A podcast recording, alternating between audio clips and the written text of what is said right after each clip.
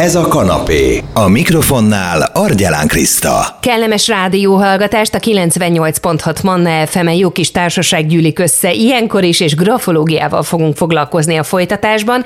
Mindig biztatom a Manna hallgatókat, hogy tegyék fel a kérdésüket, írjanak nekünk, üzenjenek akár e-mailben, SMS Viber formájában, mert hogy ezeket a kérdéseket aztán hétről hétre elővesszük, és a szakértőinkkel megválaszoljuk. Most dr. Szőlősi Csoma Enikő, grafológus igazságügyi írás szakértő a vonal túlsó végén, aki kolléganőjével Hakkel Hedviggel a www.írásszakértők.hu szakemberei, és a Krisztián által feltett kérdés pedig így hangzott Enikő, hogy mikor fontos az írás tartalma a grafológusok számára. Köszönjük szépen Krisztián kérdését.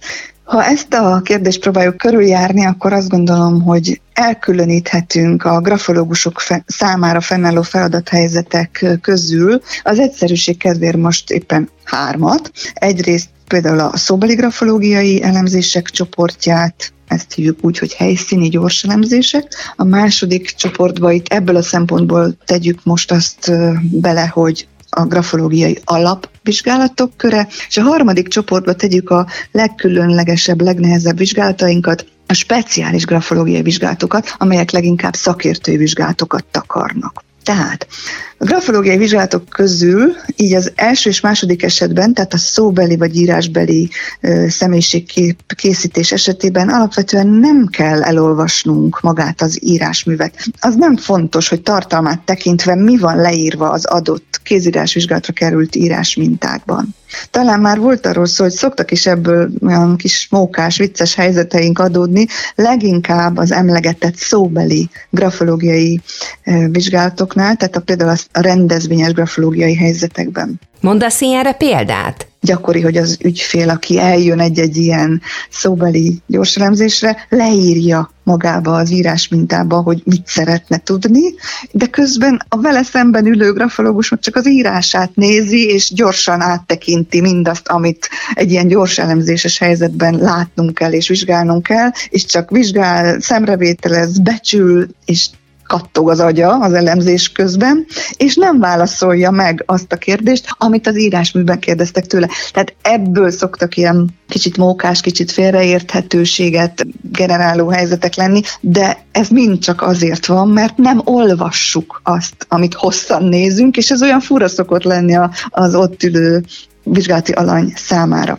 Az alapvizsgálatoknál sem az a lényeg, hogy mi van leírva, ott nyilván hosszabb idő van az elemzésre. Akkor milyen szituációban lehet ennek jelentősége, hogy ki mit ír? A Krisztián kérdésére tehát azt kell mondanom, hogy a speciális jellegű grafológiai vizsgálatoknál van szerepe annak, hogy mi az adott kézzel írt grafikai anyag tartalma. Ezek a speciális grafológiai vizsgálataink például a kényszerítettségvizsgálatok, vagy a tartalomvaliditás vizsgálatok, vagy más szóval hazugságvizsgálatok, amelyeket mostában be kell vallanunk, hogy ritkábban végzünk, mióta nem igazságügyi terület a grafológiai szakterület, terület, erről már beszéltünk itt többször. Tehát ilyenkor van szerepe annak, hogy mi is az írás tartalma, tehát azt el is kell olvasnunk. Ez a szerep egyrészt egy közvetlenül jelenlévő szerep, másrészt egy közvetetten megjelenő szerep. Nézzük akkor ezeket sorban. Tehát közvetlenül azért fontos, hogy el tudjuk olvasni, hogy mi van leírva a kézzel írott anyagban, mert vannak bizonyos hívószavak, amelyeknek szerepe van ezekben a speciális vizsgálatokban.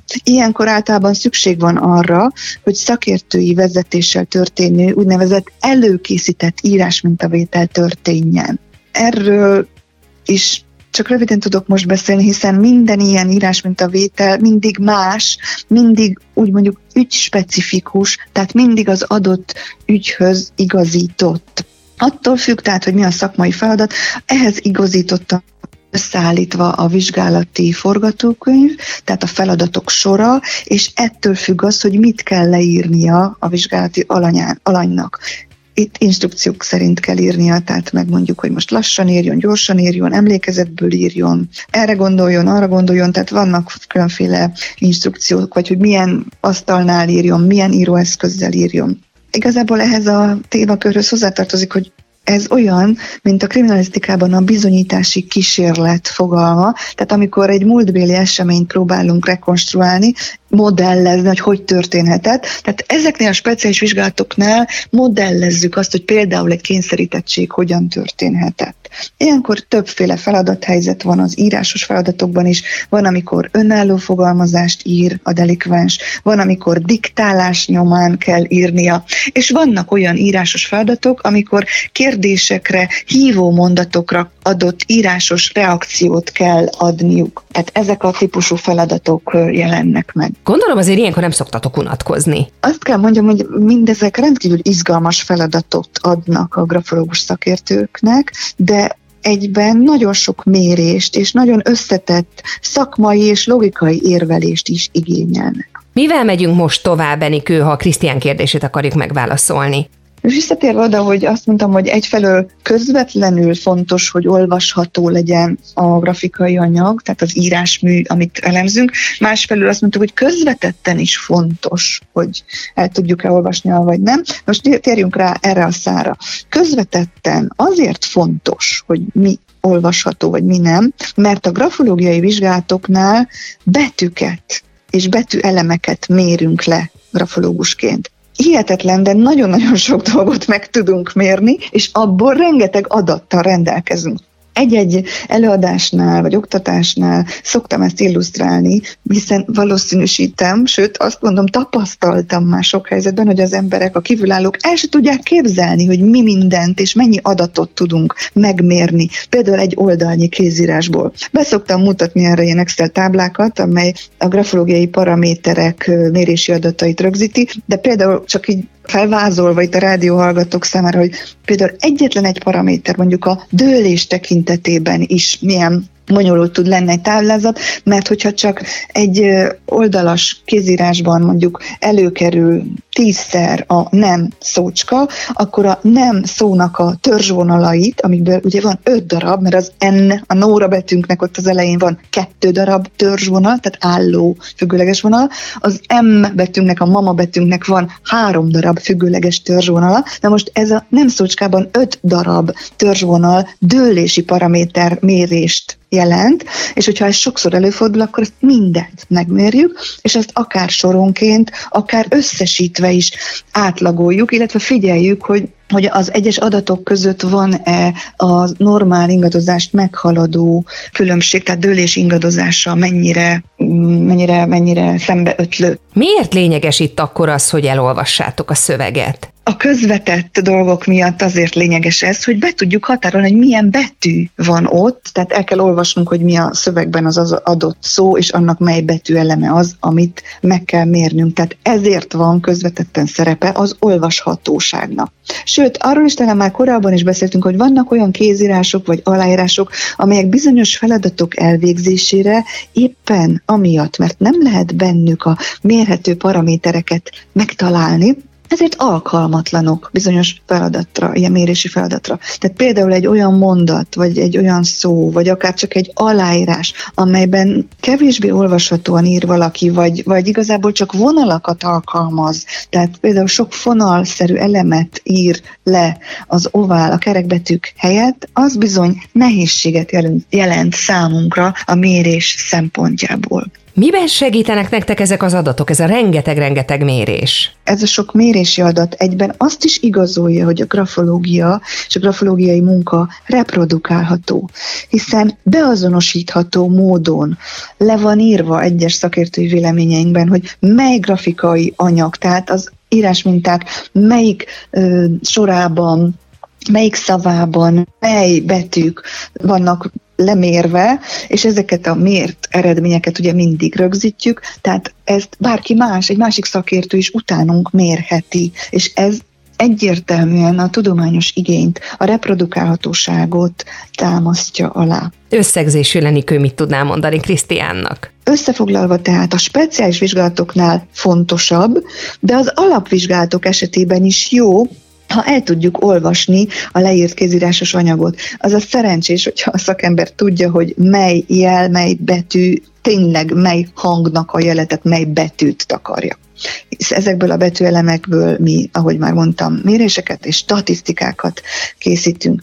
Nem csak ebben van egyébként nagy szerepe a, a méréseknek, hogy a statisztikákat készítjük belőle, hanem egyfajta univerzális mérőeszközünk is, például az oválbetű, mert akár csak a közvetlen megfigyeléssel való monitorozásnál is használjuk azt a, a mérési metódust, hogy például az ovál betűket egy egységnek tekintjük, és a sorok távolságát, a szavak távolságát, vagy esetleg, esetlegesen az aláírások névrészeinek a távolságánál azzal mérünk, hogy hány ovál betű fér be adott grafikai egységek közé. Tehát, hogyha nem tudjuk elolvasni, hogy melyik az ovál betűje az adott embernek, tehát az adott író személynek, akkor, akkor az is problémát jelent, hogy esetleg nem jó mérési egységet használunk. Tehát válaszolva röviden a kérdésre, amelyet Krisztián feltett nekünk, bizonyos szempontból fontos, hogy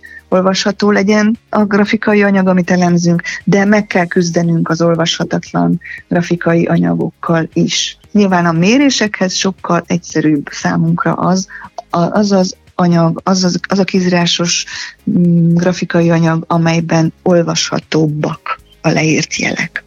De zárójelbe jegyzem meg itt zárásként, hogy mivel az emberek azt hiszik, hogy a grafológus mindent el tud olvasni, volt már olyan feladatunk is többször, hogy böngészszük már ki, olvassuk már el, hogy mi van leírva egy-egy kézírásos szövegben. Nyilván ez már egészen távoli módon kapcsolódik a munkánkhoz, de volt ilyenünk is. Köszönöm szépen a kérdést. Nagyon szépen köszönöm. Dr. Szőlősi Csoma Enikő grafológus igazságügyi írás szakértő volt ebben az órában a vendég, és a téma, amin végigmentünk, az az, hogy vajon miért fontos az írás tartalma a grafológus számára, egyáltalán fontos-e, és ha igen, akkor milyen szituációkban. Krisztián tette fel ezt a kérdést, és akkor felmerült, hogy ugye általában szoktak vicces helyzetek is előfordulni egy-egy szóbeli grafológiai gyors elemzésnél, mert azok, akik kérik ezt az elemzést, feltesznek a szövegben kérdést, de erre nem kapnak választ, mert a grafológusok nem foglalkoznak a szöveg tartalmával, hogy általában, hanem mérnek, vizsgálódnak, és a szakma szabályai szerint mondják el aztán a tapasztalataikat. Persze azért nem árt tudni, hogy milyen betűről van szó a mérések szempontjából, sokszor fontos lehet, hogy igenis el tudják olvasni azt, hogy mi van odaírva, sőt olyan szituáció is van, amikor kifejezetten ezt kérik a szakemberektől, hogy mondják meg, hogy mi lehet oda leírva. Úgyhogy izgalmas terület volt ez is. Krisztiánnak köszönjük a kérdést, dr. Szőlősi Csománikő grafológus pszichológus igazságügyi írás szakértőnek pedig a választ, és természetesen ez a beszélgetésünk is fent lesz a Manna FM podcastján, iTunes-on, Spotify-on lehet keresni. Manna, ez a kanapé, Argyelán Krisztával. F.